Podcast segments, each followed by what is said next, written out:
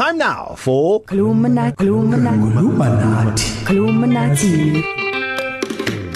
It is the part of the show where Utisha Sky Shabalala takes an English sentence and teaches us how to say it in Zulu in under 60 seconds.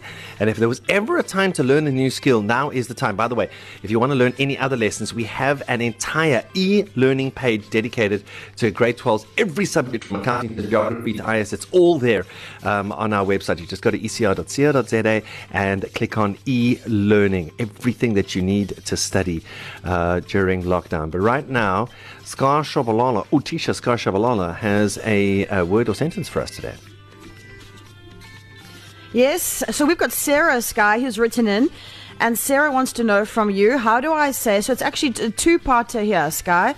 Sarah wants to know how do I say what is your name, and then how do I say my name is? So let's use Sarah's name for this.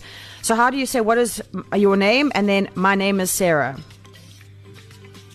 Okay, so um, yeah, interesting one. This because I've heard people say it in two different ways, which I do believe it is hundred percent correct. It is uh, one of it is probably like Isibaya kind of Zulu, and the other one is just like normal day Westernized Zulu. So, what is your name? I every day say Ubani igama lakho. So Ubani igama lakho.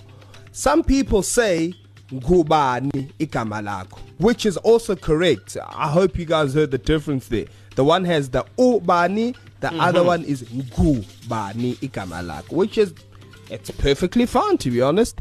So darren moore you can use the ubani igama lakho one. So ubani igama lakho? Asish Buena, ubani igama lako. Yeah, that works. Yeah, hundred percent. That works, mate. That works. That works. Karen Miller, you can go higher grade with the Ngubani Kamalak. Ngubani gama lakho. Yeah, hundred percent. And then the second one is my name is. Another one you can say. So my name is. So we'll use Sarah. Ikamalami ngusera. Or you can say ikamalami usera. Works the same way. It's the same thing. sa- People say it differently. So ikamalami. My name is usera. Sarah ikamalami. My name is ngusera. That that that works both ways. So there you have it uh, with um, Easy. Kulumanati. Thank you very much, Utisha Sky Shabalala. All of the previous episodes of Kuluminati.